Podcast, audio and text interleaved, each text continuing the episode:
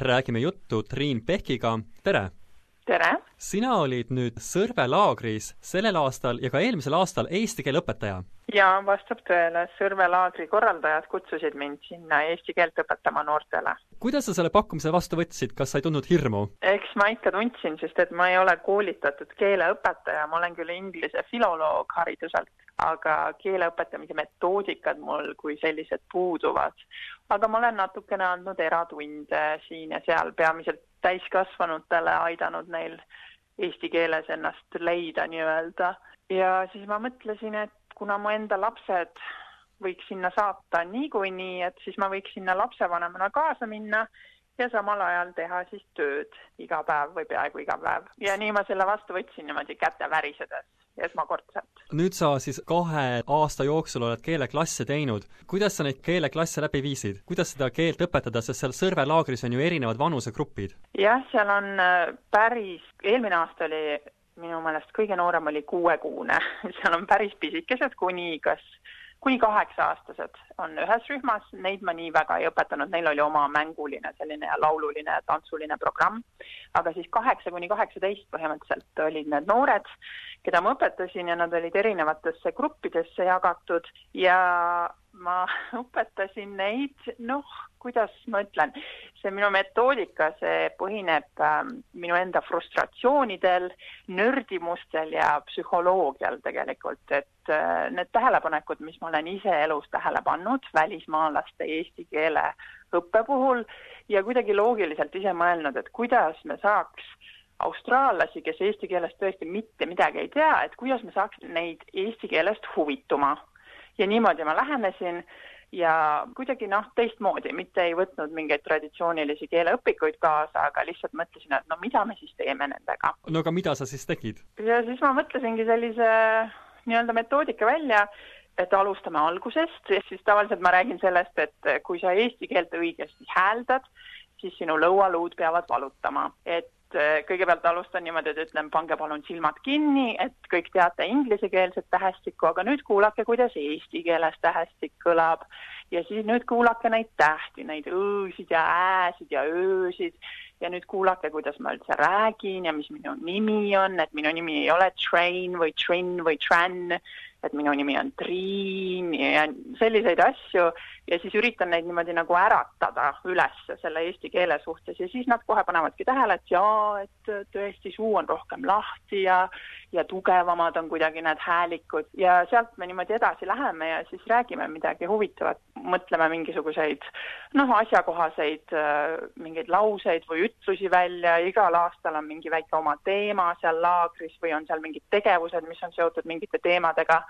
Siis seome neid sisse ja, ja niimoodi kogu see minu metoodika on selline, ma kutsun seda eesti keele suhtes selline ülesärkamine või selline, et selline psühholoogiline vaikselt-vaikselt minemine, et ma ütlen tihti ka, et jaa, et see on hirmutav ja see kõlab hoopis teistmoodi ja nii imelik on niimoodi oma suud üldse liigutada, aga see on hoopis teine keel, ärge mõelge inglise keele peale, mõelge eesti keele peale, et äh, lihtsalt harjuge selle kõlaga ja harjutage minu järgi. see laager kestab ju nädal aega, mitu keeleklassi sul seal ühe päeva jooksul siis oli? no korraga see keeleklass kestab nii pool tundi ja, ja siis neid gruppe on seal erinevaid, et kas uh, umbes samad teemad ma räägin siis erinevatele gruppidele ja kui neil on küsimusi, siis me räägime nendest või kui keegi on Eestis käinud, neil on tähelepanekuid, see on selline vabas vormis, et see laager on eelkõige, kui niimoodi pealt vaadata, et keegi läheb sinna külla vaatama, et mis siin tehakse, see on ikkagi eelkõige spordilaager. mina kutsuks seda laste spordilaagriks tänapäeval. see on küll alguse saanud ajalooliselt eesti keelelaagrina, see oli lausa kuuskümmend viis aastat tagasi oli Sydneys oli eesti keele kool, iga nädal see viidi läbi ja see oli väga populaarne, seal käisid väga paljud kohalikud Eesti lapsed ja siis Eesti kool organiseeris ka sellise laagri, mis oligi keelelaager ja seal räägiti ainult eesti keelt. nüüdseks on see täiesti muutunud, nüüd on seal enamus lapsi oskavad eesti keeles öelda ainult tere, kui nad on kuulnud seda sõna kuskil. ja seal on võib-olla mingisugune paar kaks kuni viis last kogu laagri peale, kes võib-olla ühe vanemaga räägivad eesti keelt või või saavad eesti keele jutust aru. kas sa panid ka tähele, et kui need lapsed, kes olid seal kohe esimesest päevast laagris, et kas nende ä-d, ööd, üüd, õõd muutusid ka paremaks ajaga, et laagri lõpus täitsa oskasid juba öelda jää-äär ja neid keerulisemaid eestikeelseid väljendeid? jah, eks nad ikka oskavad, et me teeme selliseid väikseid laule või mingisuguseid äh, selliseid hõikeid või hüüdeid, et äh, neid ma küll olen trillinud niimoodi, et nad saavad selle lihtsalt perfektselt selgeks, selle, et neil on nagu midagi ette näidata aga niimoodi oodata, et pool tundi, ütleme siis neli päeva nädalas või pool tundi viis päeva nädalas, et nüüd meil on eesti keel selge, see on täiesti ebareaalne ootus ja, ja selles suhtes ma ei lähe sinna nagu kedagi niimoodi Eesti filoloogiks õpetama nii-öelda, et äh, ma lihtsalt tõesti ainult äratan seda huvi, äratan seda huvi ja minu enda jaoks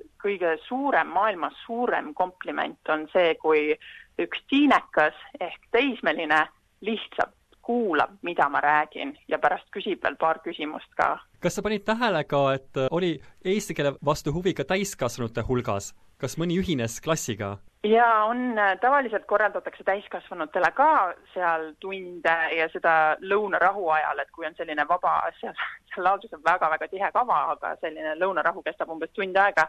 Ja seal on päris mitmeid täiskasvanuid, et alla kaheksa-aastased peavad seal olema oma lapsevanemaga koos, siis on seal korraldustoimkond on, käib seal et seal on selliseid inimesi, kelle lapsed võib-olla on juba suuremad, aga nad käivad seal lihtsalt kaasas. Ja see ongi nende viis äh, veeta puhkust, sest see koht, kus see laager toimub, on väga-väga ilus, see on poolsaare peal nagu Sõrve säär. Ise on ka poolsaar, see on Lake Macquarie keskel ja seal on hästi ilus loodus, mõlemal pool on äh, vesi, mis näeb välja nagu Eesti meri kes on küll järv, aga selline tasane veekogu ja metsikud on seal tsikaade, kes laulavad väga kõva häälega ja seal on linde ja seal on hästi selline tore ja see kogu see kompleks, seal on bassein, kus käia ja suured saavad ka seal aerutada, kanuutada, teha kõikvõimalikke mägironimisi ja golfimänge, et seal on põnev ka suurtele ja seal on tõesti päris palju suuri täiskasvanuid ja siis nendega me oleme ka eesti keelt õppinud. kas julgetakse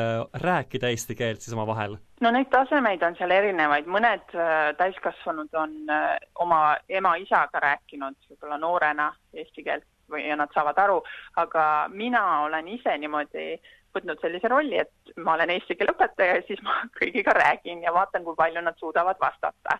ja on olnud väga toredaid selliseid eestikeelseid jutuajamisi ja nalja tegemisi ja kogu see minu eesmärk seal eesti keele õpetajana ongi olnud, et äratame nagu selle keele üles, et Äh, Austraalias igapäevaselt on siiski raske eesti keelt praktiseerida, kui ei ole eestlasi ümber. aitäh, Triin Pehk, et äh, oled Sõrve laagris inimesi äratamas üles eesti keele rääkimisele. Palun, palun, mul on olnud suur rõõm seda teha